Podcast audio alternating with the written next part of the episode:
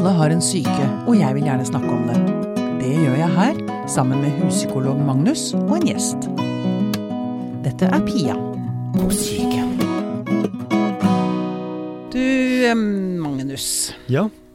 Når man sliter med depresjon, som jeg jo gjør innimellom i min bipolaritet, så eh, kan man ha det med å anklage seg selv for at man ikke er helt på høyden. Det ligger i kjernen, ja. Ja, Mm. Dette kjenner du sikkert igjen også. For du som Ja, ja, med- ja. ja. ja. Um, det, altså man legger en sten til byrden. Men så tenker jeg, i, i forrige uke så snakket vi om at byen også påvirker oss. Ja. Omgivelsene påvirker oss. Omgivelsene påvirker oss, Ja. Og det er jo en annen type omgivelser som også påvirker oss ganske mye, nemlig cyberspace. I aller eh, høyeste grad. Ja. Aller, aller høyeste grad. Det skal vi snakke om i dag, og det er et skremmende sted. Et sted som ble enda mer skremmende etter at jeg leste boken din, Lena Lindgren. Velkommen hit. Tusen takk. Du er kommentator i Morgenbladet og forfatter Ja. av boken 'Ekko et essay om algoritmer og begjær'. Som er ganske fersk. Kommet tidligere i år. Mhm. Det bildet du tegner i den boka, det er så mye mer skremmende og omfattende og dyptpløyende enn jeg ante, egentlig. Altså, dette med sosiale medier har vi jo vært oppmerksom på en stund. Men det er ganske skremmende. Er er du enig i altså, Da du skrev den, ble du mer og mer skremt etter hvert som boken skred frem? Og du researcha og Ja, jeg skremte meg selv veldig underveis. det er jo en eh, Hva skal jeg si Det er, en, det er et tankeeksperiment av den boken også. Mm. Eh, Det er ikke bare en sånn Nå har du hele sannheten og alle faktaene om Silicon Valley og oss. Eh, Det er men det er, det er jo også veldig subjektivt. Så, når du sier sant, det, jo, det var jo basert på min egen opplevelse av å være helt kjørt og liksom eh, ha, ha blitt kastet inn i en rasende medienarkose, en slags hypnose som jeg Mm. Jeg kaller det en virkelighetsutglidning i boka, liksom. Så, Mm. så det skremmende, det, det er um, sant også for meg. Eh, men uh, Men altså, selv om det er din, si, det er, det er din virkelighetsoppfatning som, som omfavner boka, men du har jo også mye fakta. Altså, du, du, du begrunner jo din Begrunner du veldig godt din, din samtids uh, si, psykose, har jeg lyst til å nesten si, for jeg føler det sånn selv. Ja. ja da, det er en uh, sakprosabok. Ja. uh, men uh, jeg har tydd til litterære virkemidler for å på en måte få fram analysen min, fordi at jeg opplevde at det ikke fantes noe særlig språk for det her, da. Mm. Fantes ikke noe språk for liksom de sanselige og psykologiske eh, effektene av teknologien. Det fantes Mm. bare masse sånne duppedingsbøker og selvfølgelig eh, noen, eh, noen sånne litt mer kritiske Silicon Valley-bøker etter hvert. Men Mm. denne liksom innenfra analytiske og liksom litt mer sånn også kunstneriske faktisk liksom grep rundt det, som jeg har prøvd å gjøre, da. Ja. Selv om det er fakta, alt er fakta. Eh, og jeg mener jo på en måte at jeg har i hvert fall forsøkt å si noe som er eh, sant. Mm. Jeg jeg har lyst til å begynne med denne myten, eller eh, fortellingen, som du bruker som en slags eh, Som omfavner eh, denne dissekeringen av Silicon Valley og deres, deres innbyggere, holdt jeg på å si. Myten om Narsissus og Ekko. Det som er interessant med den, syns jeg, som du også påpeker i boka, er at Narsissus har jo fått en utrolig høy standing. Alle kjenner til narsissus og narsissisme som et begrep. Men Ekko, hun ble borte, gitt. Mm. Og det er Ekko du løfter frem her. Mm. Hva, er det er, er den myten Beskriver den vår tid?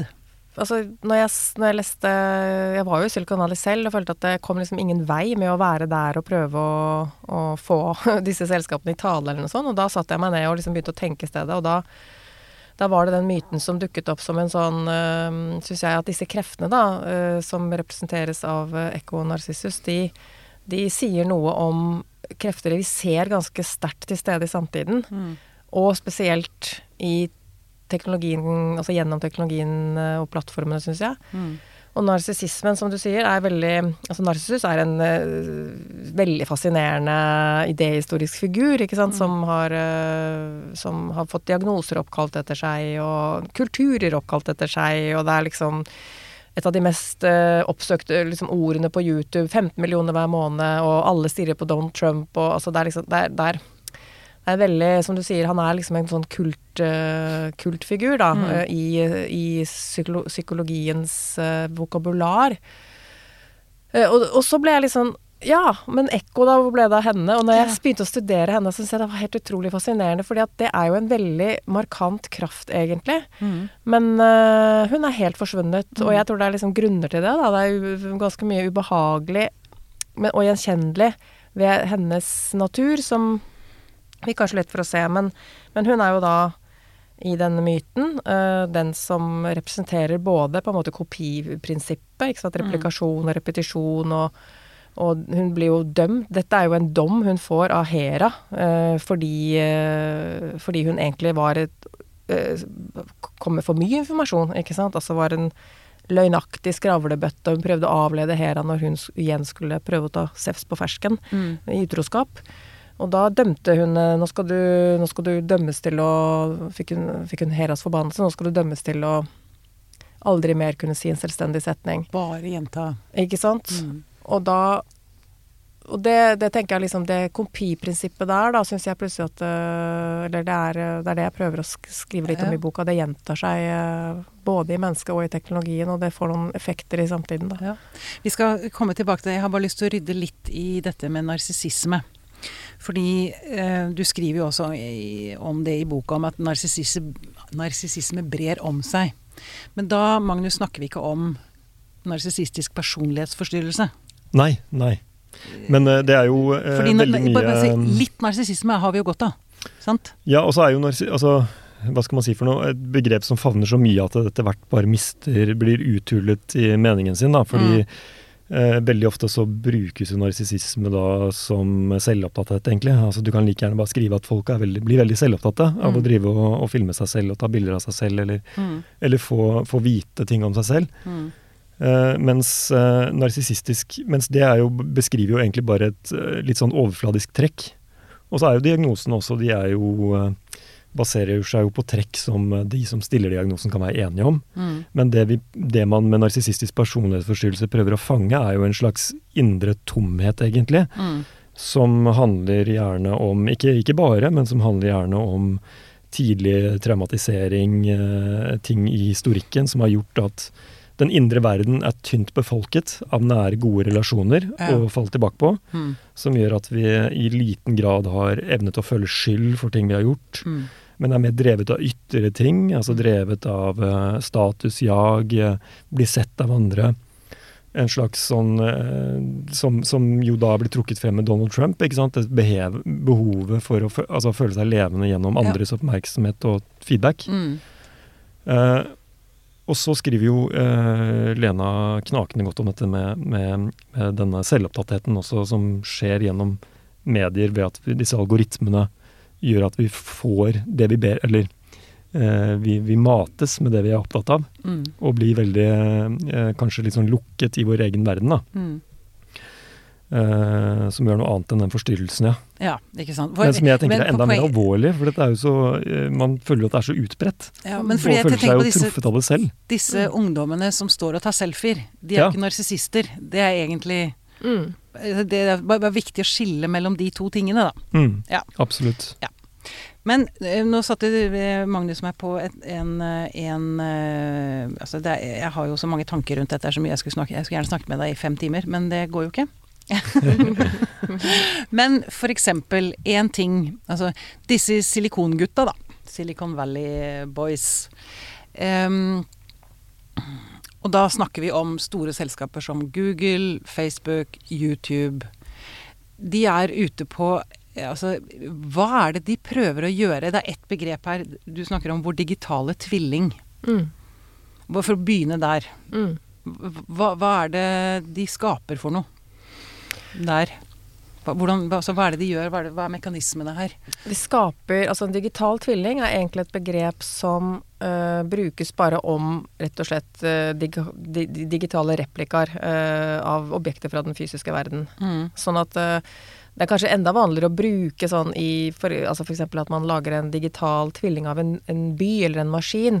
Og det gjør man for å, for å forutse hvordan det digitale virker. Men det som skjer i praksis, er at også selskapene, de, de som driver med ikke, vanlig, ikke bare andre sider av den digitale teknologien, men som driver med sosial teknologi, som, mm. som, handler om oss som sosiale vesener, de lager også tvillinger av oss. Sånn at de lager personlighetsprofiler basert på, på det de vet. Og de vet etter hvert utrolig mye. De ja, fordi det er det. Hver gang vi er på nettet, mm. så blir atferden din logga.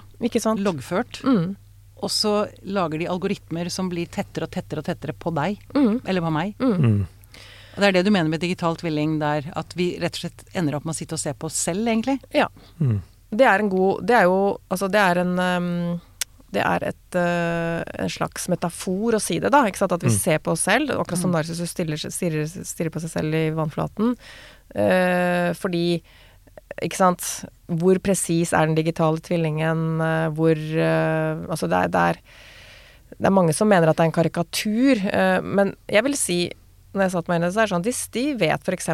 om min sykdomshistorikk, min familierelasjoner, min sosioøkonomiske status, min seksuelle legning, min menstruasjonssyklus. I mange tilfeller så kan de Altså de har i hvert fall muligheter til det. Vi vet jo ikke helt hvor mye de logger, men lagrer, men, men de kan også øh, registrere stemmebruk, ansiktsfarge, altså type Stemmebruk? ting. Ja, sånn de har, altså Det er jo ikke sant, det er jo innebygget voice øh, de, alt vi gjør via det nå, Og nå lever vi jo livene, hele mm. vårt sansele, sansemessige liv, mm. gjennom eh, mobilen. Så, så, alt de gjør, kan de potensielt få noe ut av. Og noe av poenget, syns jeg, det er at vi vet faktisk ikke helt faktamessig hvor mye de gjør, men de kan um, De kan på en måte lage så Kunstig intelligens har potensialet til å Uh, til, å, til, å, lage ganske eksakte uh,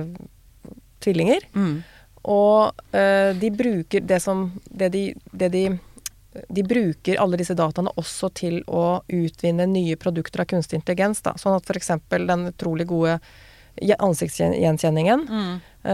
som, som, Det er en, en et resultat av at de har ekstremt mye persondata som, som de har, har lagret, mm. og som de på en måte kan utvinne nye produkter. Så vårt, vårt sanseapparat går inn i et økonomisk kretsløp ganske på linje med det vil man vil se hvis man ser på sånn gammeldags plansje for, for, en fabrikk, ikke sant, hvordan går, en råvare går mm. gjennom uh, løpet fra mm. fra liksom lagring, salg, utvinning, foredling, og så kommer det til et annet produkt. Sånn er det. Altså det er en ganske god parallell, faktisk. Ja. Mm. Uh, og det Så jeg tenker dette her er jo på en måte Vi må jo oversette det til modeller vi er vant med. Mm. Og, og, dette her er en realitet at liksom oppmerksomhetsøkonomien, da, som, det, som denne forretningsmodellen gjerne kalles, Mm. av folk fra Silicon Valley selv også, uh, det er en uh, Den har liksom sanseapparatet vårt som råvare. Som produkt. Mm. Mm. Ja, for det Nå husker jeg ikke om det var du som skrev det, eller om jeg leste et annet sted dette med at altså når noe er gratis der ute, så Mm, betyr det at det er du som er produktet. Mm. som blir solgt. Ikke sant? Det sto i boken, ja. Ja, det sto i Mm, boken, ja. ja. mm. Um, og det er jo Altså, bare det er så, man, Egentlig når man tenker Facebook, så er det 'Å, så hyggelig, nå skal jeg ut og liksom leke med vennene mine'. Mm. Og så bare skjønn... Altså, du, man blir så sykt lurt, da. Mm. Til å bare legge fra seg enorme mengder med data som andre sitter og kapitaliserer på. Mm. Og så er det jo Det er dette ganske med ekkelt. Det er det. Og så er det jo dette, denne, dette med at uh, produktet blir bare mer og mer verdt jo flere som henger seg på. Og så Ja. Det blir jo uunnværlig etter hvert. Er Altså, sånn som Facebook, altså, du melder deg der, så er du plutselig ute av foreldregruppen på skolen, og du får ikke vite om arrangementer. Og, altså at det, det, man blir jo låst Det er akkurat det. eh, ganske mye til disse plattformene. da. Ja. Og det, det Ikke sant, det får jo altså Det som var veldig fint med å lese boka di, syns jeg, da. Eh, blant annet, det, er, det er bare en helt fantastisk bok. Jeg må bare skryte ordentlig av den. Jeg gleder meg til å lese den igjen. Du bekrefter det jeg har fryktet så lenge. Altså denne opplevelsen av litt sånn panikk.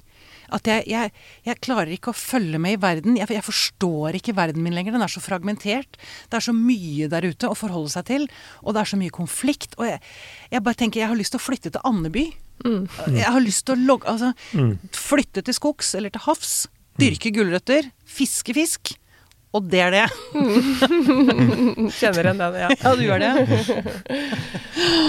Men tror vi at det er Er det noe som brer om seg mer og mer? At folk Kjenner folk dette, eller er folk så inne i loopen at de ikke tenker på det?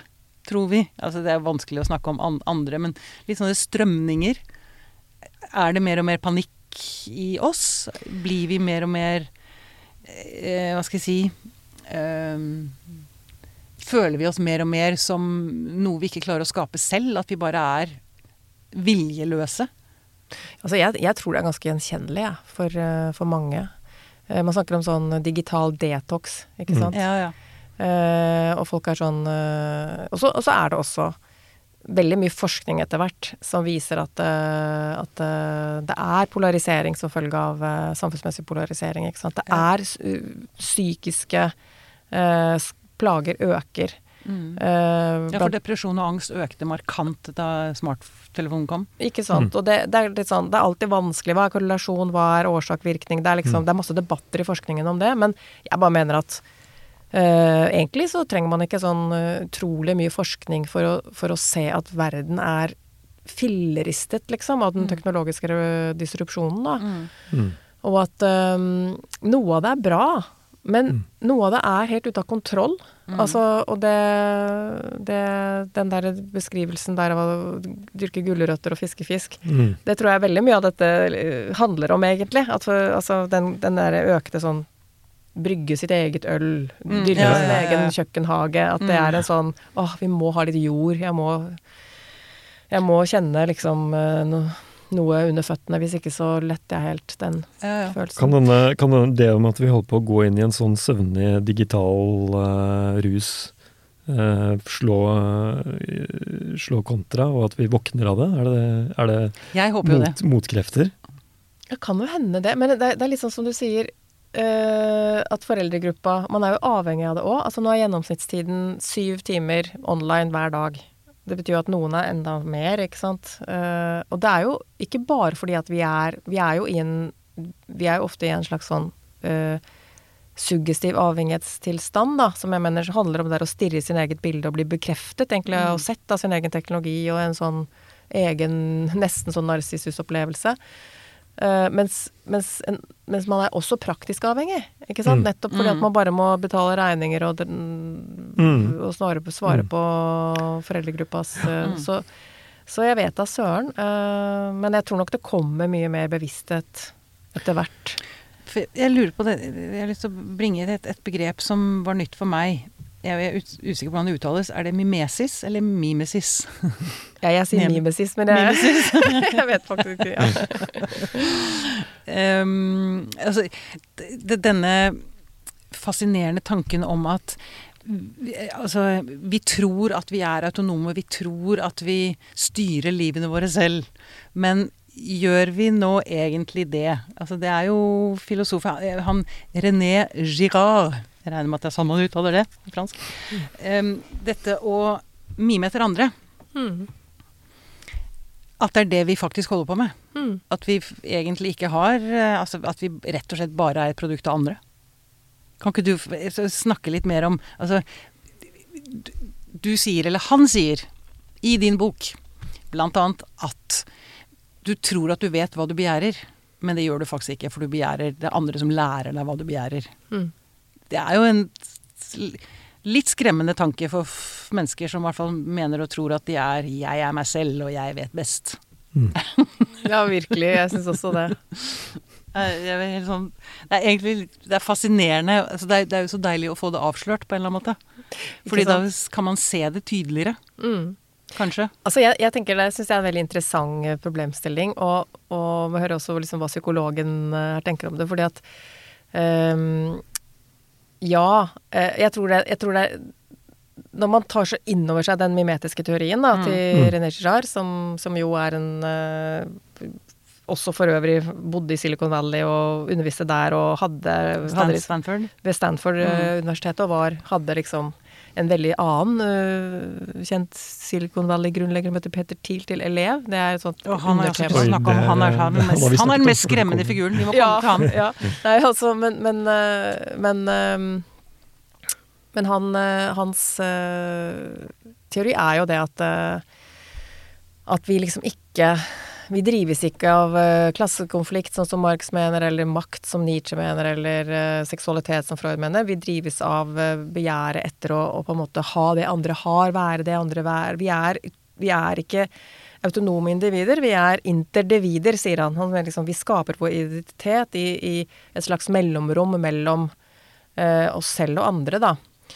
Og, og liksom når man I begynnelsen så syns jeg også det hørtes veldig sånn Æh, det der kjøper jeg ikke helt. Men etter hvert når man begynner å liksom se hvordan tidsånden plutselig skifter, eller motet plutselig kan skifte, eller, eller bare det fenomenet med sånn boligbobler eller bitcoin som ikke egentlig har noen verdi Det er, utrolig mye i samfunnet som rett og slett bare er eh, mimetiske fenomener, da.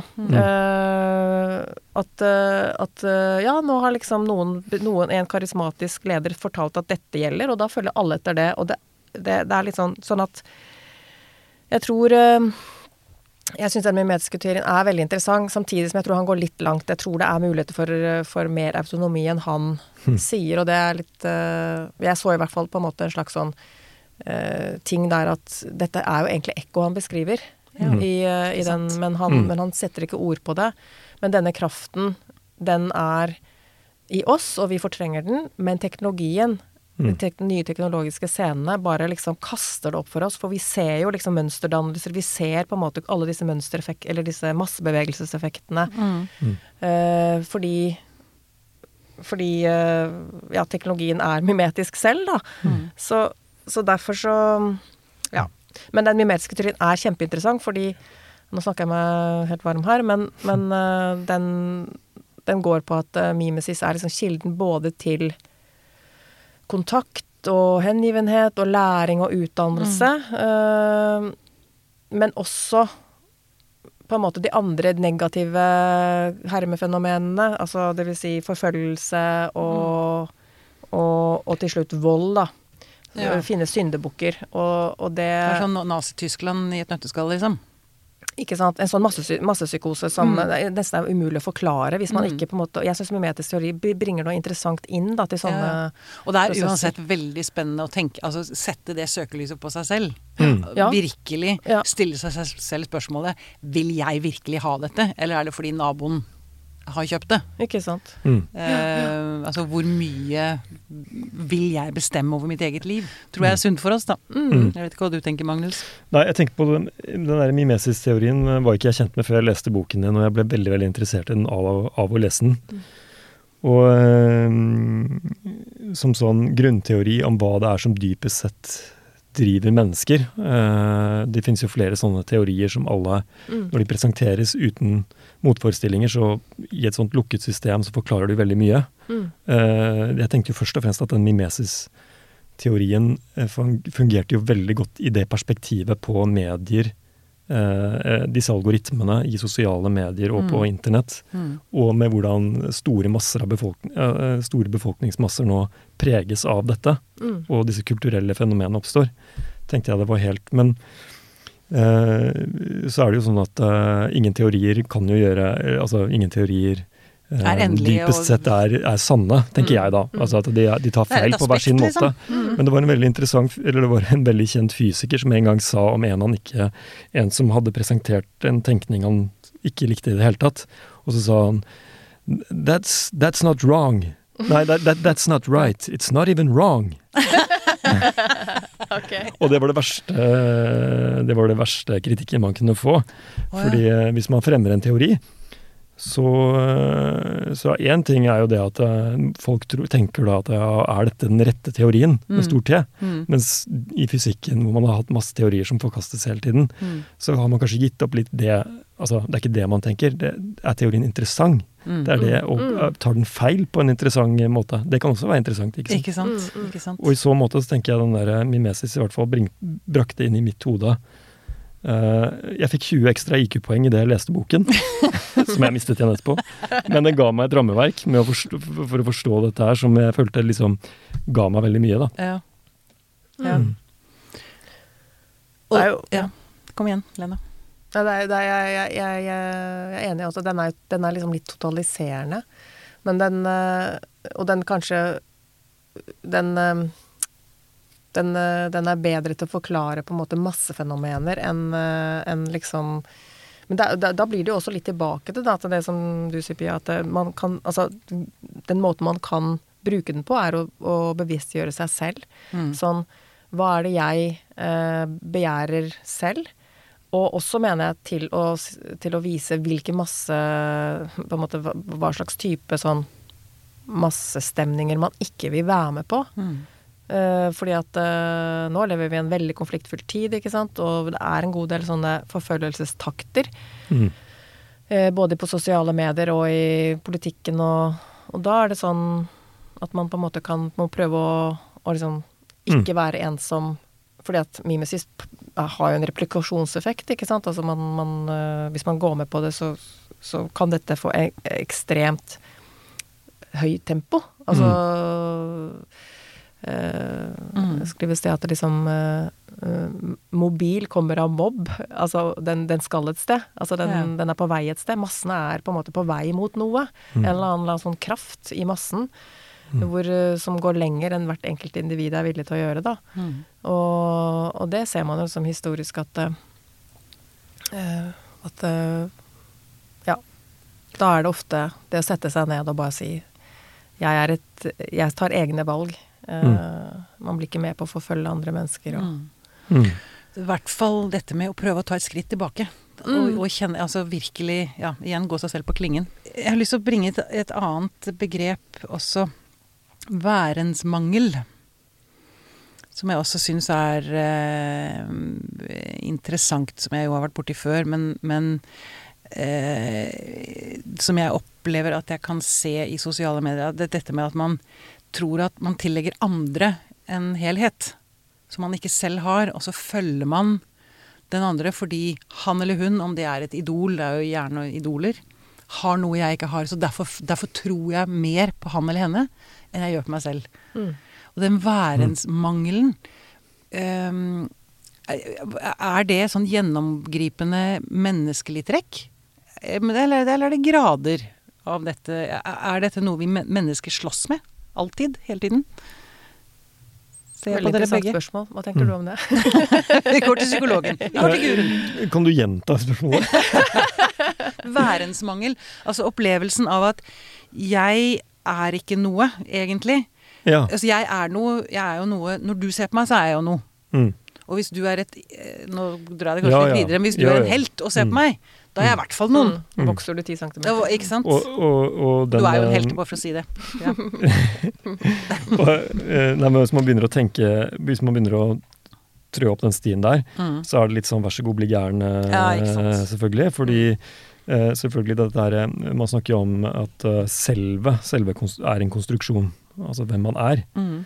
Uh, og at vi lever fra øyeblikk til øyeblikk Mm. eh, med, med minner om hvordan vi har hatt det før, som eh, forsvinner eh, bakover i tid. Mm. Og det er jo liksom den følelsen av å være sammenhengende over tid som er oss selv. Og øh, jeg skjønner jo da du nevnte dette her med hvordan du føler dette påvirker deg. Mm. Å bli fragmentert, Mm. altså bli revet rundt i en sånn internettkarusell Mm. hvor algoritmene serverer deg Ja, fra din bok da, Lena, så står det jo dette her med at du står opp om morgenen Jeg husker ikke helt hva du skriver, men du står opp om morgenen og ser noen forferdelige krigsofre som ligger et eller annet sted, og noen som har fått silikonpupper, og en krig et eller annet sted, og, og at renta skal settes ned og sånn. Mm. Og at det er jo veldig sånn kaotisk. Og eh, med tanke på eh, og- det å bli utsatt for det i, i sånt rikt monn, så, så syns jeg eh, at eh, hvis man skal tenke seg da at det er en reell sammenheng mellom dette og depresjon f.eks., så er jo dette noe som vil utfordre vår følelse av mening og, og henge sammen på en, i en verden som på en eller annen måte er forutsigbar og gir mening. Mm. Eh, det syns jeg Jeg synes det er eh, Det er ikke lang vei for meg å tenke det. Nei. Mm. Nei, men så tenker jeg, ikke sant værens mangel, da, sett at det er en sånn menneskelig greie at altså det, det, er noe mennesker slåss med, liksom, og alltid gjort. Mm. Så det er klart at for si 30 år siden, da, eh, det at du liksom eh, idoliserte den peneste jenta i klassen, det er liksom overkommelig på en eller annen måte. Men nå idoliserer man jo Altså, det er jo hele verden du skal konkurrere mot. Du er jo dømt til å tape. Mm. Vi er dømt til å aldri bli nok, da. Mm. Jeg synes, jeg tror eh, er vel Er det et begrep av Sartre? Jeg tror det. Ja, det skal jeg ikke banne på. Men, eh, men eh, i hvert fall så bruker Girard det uh, mm. som, uh, som, nettopp det du beskriver, da. Altså at man, at man har denne opplevelsen av værensmangel, og at man tillegger andre en værensfylde mm. som, uh, som, man selv på en måte vil som, som er, som det, er, det, det, er, kilden til det mimetiske begjæret, egentlig. Ja. Sånn at, altså, man vil jo si at da er værensmangel en, eh, et eksistensielt grunnvilkår som alle opplever. Mm. Og så vil jeg tro, bare for å liksom skyte inn det, at, eh, at eh, noen mennesker Altså, de føler bare ikke så veldig sånn. De tenker ikke så mye på sånne ting. De føler seg Altså, de er kanskje velsignet med Ja, de føler seg helt kule og grubler ikke så mye på det. Og, de, og heldig er sånne folk, liksom. Men det er, ja. Det er de jordnære som er ute og fisker. Ja, ja. ikke sant? Ja, men det kan godt hende. Det kan godt hende.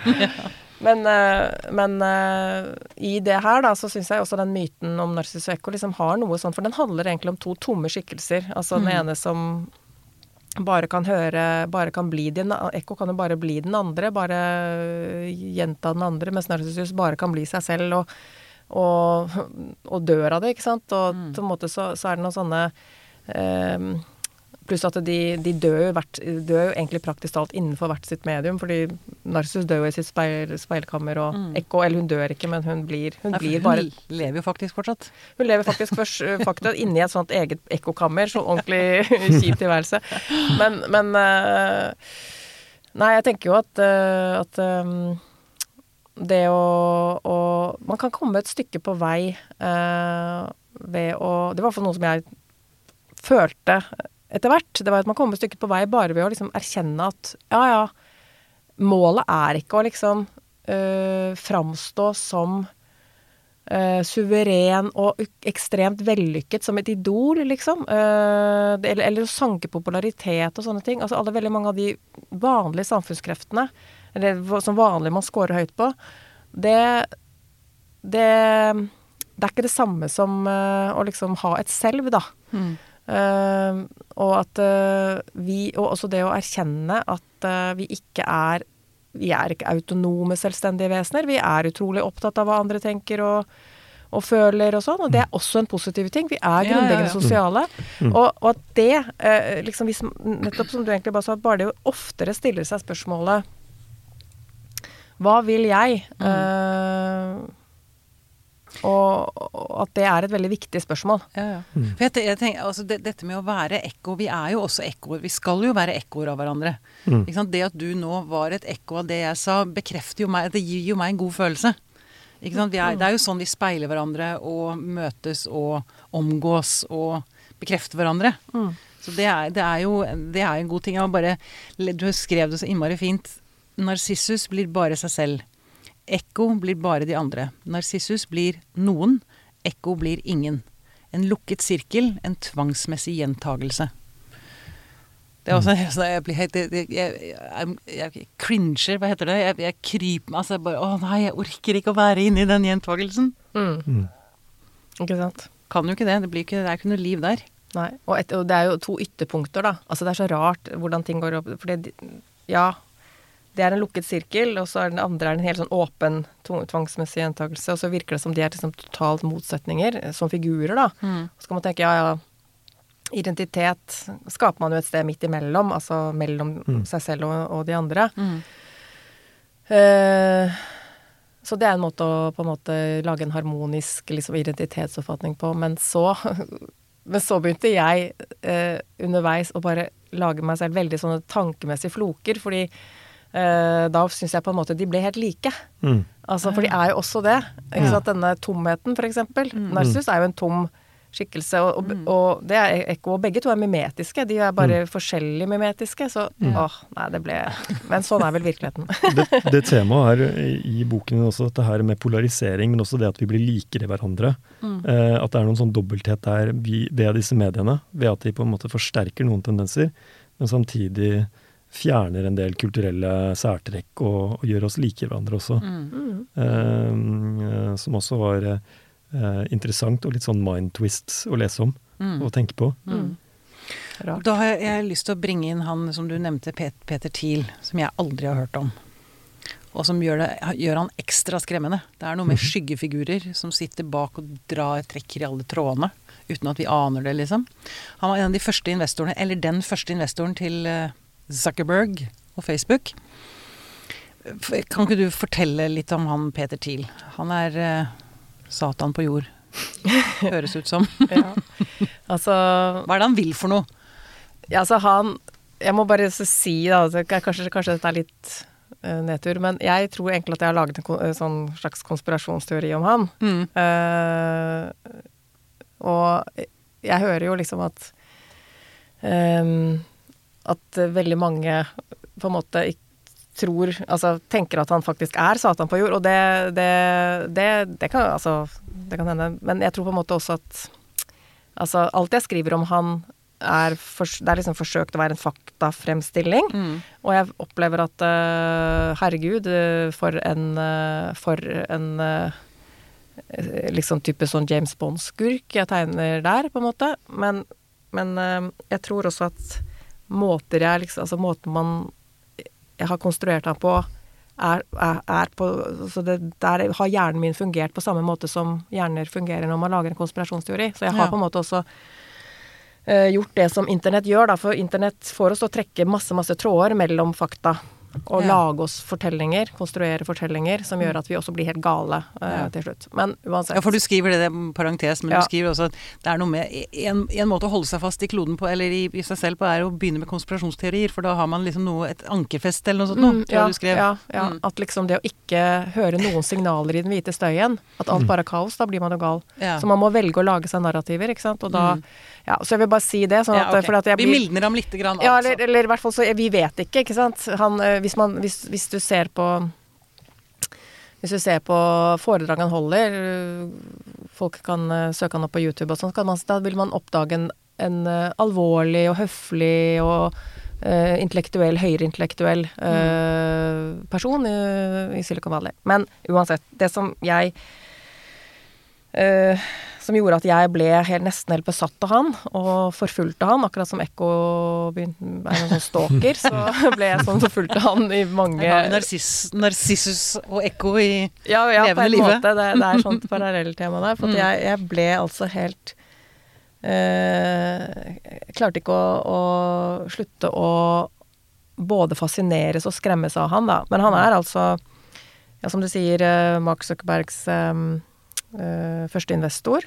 En veldig sentral investor. Han er selv grunnlegger av PayPal, og i dag så er han Og han grunnlegger og, og eh, eier da, av eh, et overvåkningsselskap som heter Palantir som eh, er su supersentralt, eh, driver med altså dataanalyse og overvåkning i veldig mange land. Egentlig driver terrorbekjempelse, og veldig dypt involvert også i amerikansk militær og sånt nå. Han Han har tilgang til mye informasjon, med andre ord. ekstremt mye informasjon, og han er eh, Og han var tett på Trump. han var, var eh, en, Han er vel den eneste sånn profilerte, så vidt jeg vet, republikaneren og Trump-tilhengeren i Silicon Valley sånn profilert, da. Og eh, har vært ekstremt liksom sur på, på det han På den amerikanske venstresiden i mange år. Og i tillegg så er han uh, masse å si om han. Han er Uh, slags sånn, Han er fascinert av transhumanisme, så han har uh, bestilt uh, sånn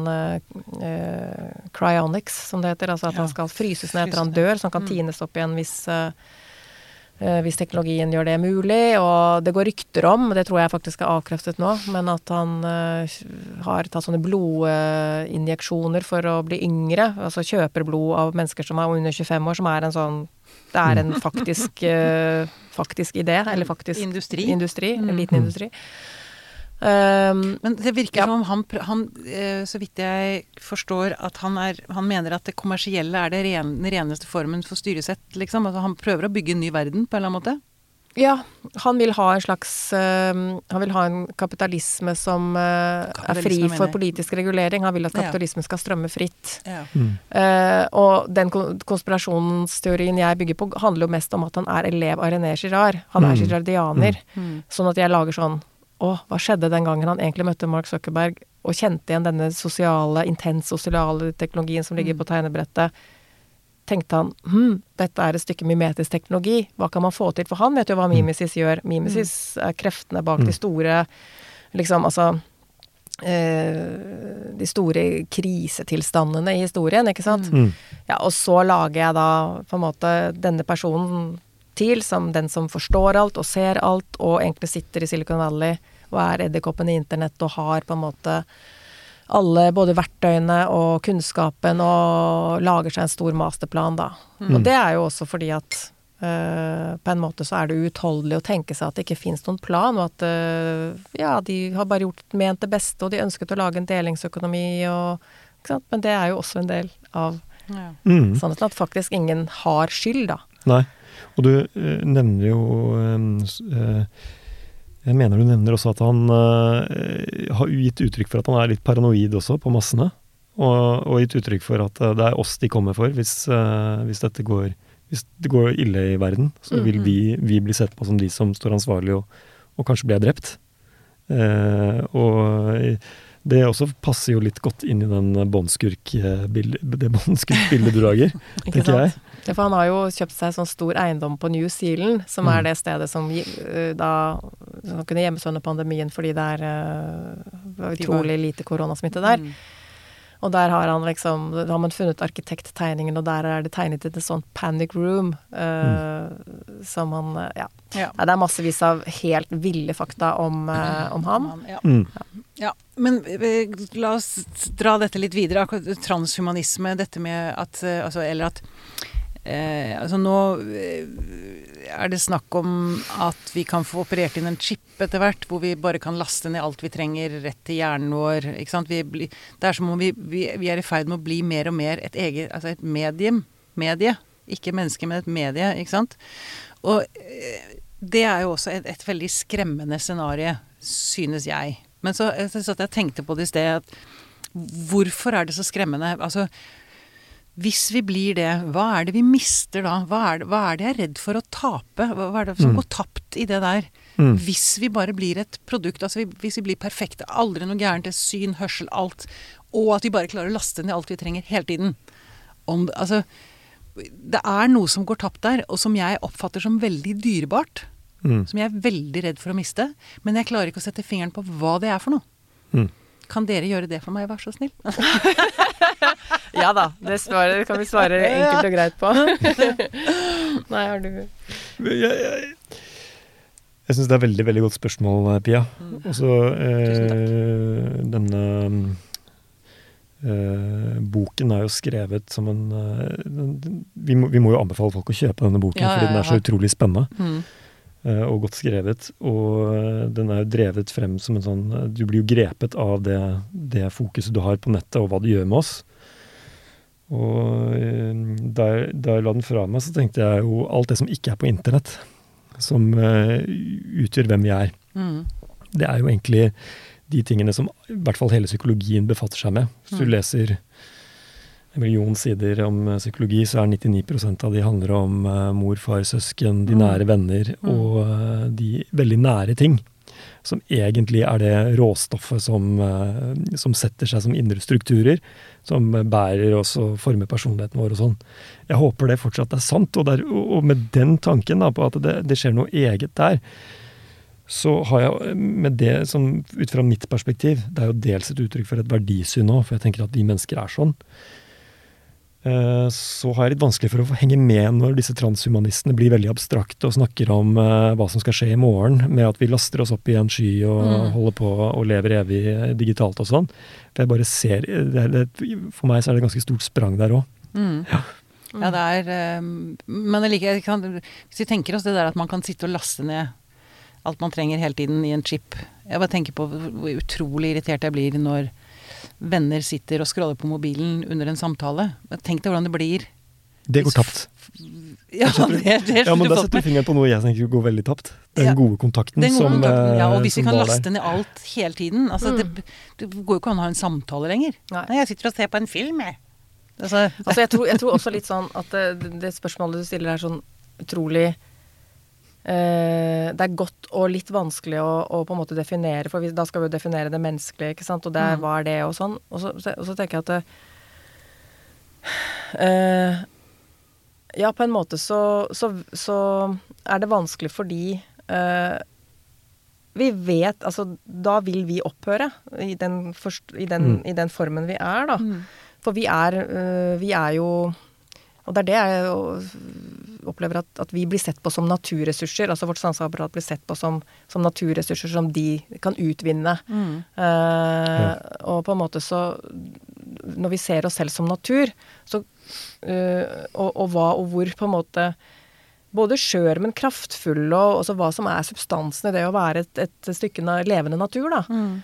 Eh, å komme ut av liksom mors mager med masse instinkter og, og, og ting som eh, ikke er så lett å sette ord på, fordi det er oss. Men, eh, men eh, Og Nei, det, altså Jeg syns bare egentlig når jeg hører liksom de transhumanistene, de mest tåkete av dem, så tenker jeg fy faen for en dårlig idé.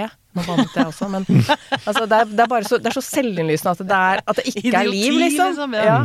Men, og, men, og det er vanskelig å forklare kanskje hvorfor, men, men det er helt Det er helt klart at det ikke At det ikke er liksom eh, Og det å ikke, ikke skulle dø, altså sånn ja, eh, så skal man ikke dø, og da forsvinner jo livet også. ikke sant? For døden definerer jo livet. eh, Mm. De, eller de definerer hverandre. Sånn at eh, hvis, hvis man skal se for seg sånne uh, Nei, altså, det går ikke an Jeg syns det er vanskelig å, å beskrive det, fordi det på en måte Det er ikke liv, ikke natur.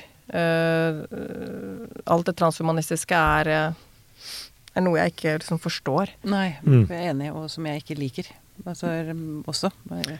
Jeg tenker jo at dette med Altså, skavankene våre er jo Har jo også gode ting ved seg, på en eller annen måte. Altså, det, det er noe med å sette pris på hva man har, da. Hvis man bare får alt sånn, Mm. og kan bare løse alt hele tiden, så er det jo ingenting å være redd for. Ergo er det ingen Det er ikke noe motstand igjen. Det er ikke noe, Mm. det er ikke noe å kjempe for, på en eller annen måte. Så det er ikke noe da, Der ryker livet, tenker jeg, da. Mm. I, i, i, I essensen sin. Mm. Mm. Eh, Men du skriver også at det er en motstandsbevegelse. Her er, det, her er håpet, tenker jeg. ja, vi er ofre for en eller annen gigantisk bevegelse der ute i cyberspace, men det er en motstandsbevegelse. Hva, hva, hva skjer? Hva er det? Ja, altså det er i hvert fall eh, Jeg tok litt i, da. Motstandsbevegelsen. Ja, ja. Jeg vet ikke. Jeg liksom ikke, det er ikke så mot, motkultur, da. Ja, ja det, det sånn. er det. Det er det. Uh, det er i hvert fall uh, kommet liksom en strøm av bøker som veldig ofte er laget av uh, Silicon Valley-folk selv. Avhoppere. Avhoppere, ikke sant. Mm. Dissidenter som Mm. sier at jeg angrer på at jeg har vært med på å bygge opp dette. Mm. Når jeg ser hva slags konsekvenser det har. Ja, for eksempel, forresten, det ligger jo en, en Netflix-film nå, uh, 'Social Dilemma'. Bare det at det har kommet Ja, en, eh, ja, en, den den typen film. Ja. Den, men den har jeg lyst til å se igjen. Social Dilemma anbefales. Mm. Altså, den er jo sånn uh, Og det er mange som mener at det er en sånn falsk skremmebilde og sånn. Altså, det kan man jo mene Man trenger ikke å kjøpe alt som er i den filmen, men, men det, er, det er i hvert fall uh, mye større uh, uh, bevissthet. Og jeg hører, jeg syns liksom folk Den motstanden kommer vel også innenfra Mm. Uh, i veldig, veldig mange. Jeg syns nesten ingen er sånn, sånn som man var for ti år siden. Bare, altså det er selvfølgelig enda veldig deilig å, å, å være suksessfull på Facebook, ha bursdag og sånne ting, bli nedrent av gratulasjoner og sånn. Det er en boost. Og Den har jeg faktisk skrudd av. Det var en utrolig lettelse. Ja. Jeg har, skrudd av eh, varslene på bursdager på andre, du? og jeg har skrudd av min egen bursdag. Mhm. Veldig deilig. Det var en stor uh, frihet. Slippe det. Jeg bare anbefaler det. ja, fordi at det var uh, slitsomt og Jeg syns bare det ble Ja. evig mas og takke og bukke og hjerter og Mm, likes mm, og mm. Jeg syns bare det ble slitsomt. Så fikk jeg de som husket meg. Det var jo ekstra hyggelig. Som husket meg uten Facebook-påminnelsen. Unnskyld, nå avbrøt jeg det. Ja, ja. Eh, nei, jeg er helt, helt enig i Altså, jeg tror, jeg tror eh, Jeg tror Det kan hende at det sosiale medier er sånn fenomen som eh, avvikler seg selv, liksom, i løpet av noen Mm. tiår. Mm. folk bare Men jeg syns jo da det var litt sånn Da syns jeg bare for min egen del at det var litt sørgelig at det skulle treffe inn akkurat Ja, det for meg og mine barn, liksom. At det, det var det, det liksom kraften, da, som, i, eh, som bare sugde så mye oppmerksomhet. mm. Mm. Ja, for det er måten vi kan stå imot dette. Det er jo å snu seg vekk. mm. Sant? Mm. Det er, det er vår, vår eneste motgift. Ja, faktisk. Så Mm. er det såpass enkelt og vanskelig som det. Mm. Ja. Men hva hvis det blir eh, Det kan jo hende at det blir som mange andre ting, da. Altså som fast food og en rekke andre ting som er tilgjengelig i den nye i den moderne verden, som eh, skaper klasseforskjeller. Eh, Jeg snakket om dette med, noen med boken med noen kolleger også som nevnte dette her, at nå er nettbrett ut i USA på de skolene som er eh, skikkelig top notch. Mm. Altså barn som går på skole i de beste skolene, der er nettbrett. Det, det, det skal ikke være noen del av undervisningen. Uh, og eh, det høres jo bra ut, men samtidig så vil det jo sannsynligvis ende opp med å få en verden der noen kanskje blir litt mer slaver for dette, slaver for andre billige dopamindusjer. Mm. Uh, mens de som allerede har ressurser og, og leser og er klarer å være i forkant og unngå ting, de, blir, de vil klare å unngå det. Mm. Og skape større forskjeller, da. Det er en bekymring jeg har, da. Ja, det er et kjempepoeng. Mm. Altså, jeg tror det er Det er allerede i ferd med å skje, egentlig. Mm. Og at eh, det å ha ressurser, da eh, Det handler jo også om å ha økonomiske ressurser, men også sånn fysiske ressurser. Altså masse mennesker rundt omkring, f.eks., som tilbyr noe annet. Mm. Uh, ensomhetsspiralen bare vokser og vokser, ikke sant? da er det skjermen som er der. Så det, dette er eh, Dette er eh, absolutt en sånn klasse Absolutt en klassekamp, egentlig. Mm. Og i Silicon Valley så er det jo et sånt, vært en sånn trend i årevis at de sender jo barna på sånn det som er Steinerskolen, da. Mm. Eh, Ja, der, så utviklerne der har jo nekta barna sine alt av teknologi, Mm. Teknologiske hjelpemidler, fordi de vil se hvor, hvor mye det skader. Ikke sant? Det var jo sånn berømt scene fra Steve Jobs som sa sånn Ja, hva syns ungen din om i din iPad? Nei, eh, nei det eh, Han får ikke lov. Og så er det sånn Å nei. Ikke sant? Men det, er, det utvikler de for massemarkedet med Ja, ikke sant. Ja. Ja. Ehm, eh, ja, jeg har eh, tatt opp eh, kanskje fem av de 63 punktene jeg hadde på lista mi. Ting jeg har lyst til å snakke med deg om, Lena. Men nå er eh, Vi må avslutte. Eh, jeg har bare lyst til å si til slutt at eh, jeg håper at denne boka går inn i pensum på ungdomsskolen. Ja. Virkelig. Takk for det. Altså, ja, ja, men altså å, å gi ungdom dette blikket utenifra på hva de er del av, altså hva de bruker tiden sin på, Mm. tenker jeg er ufattelig viktig. Mm. Og til alle de som lurer på om de skal lese boken, så ikke nøl med å det gjøre det. bare å- Fordi å- den er så spennende at du har lest den ferdig før du har tenkt, at- tenkt at du begynte en gang. Det eh, Dette er den faktisk eh, eh, Jeg tror aldri vi har snakket så varmt om noen bok her i Pia-syken før. Faktisk. Jeg har vært veldig forsiktig med det, men her må jeg bare Jeg gir meg bare ende over. Tusen takk. Jeg blir veldig glad for, altså. Jeg gleder meg til den kom på engelsk og tysk og fransk og japansk og sånn. Ja vel. Lena Lindgren, gratulerer med bok, eh, og tusen takk for at du kom til oss. Tusen takk. Hyggelig.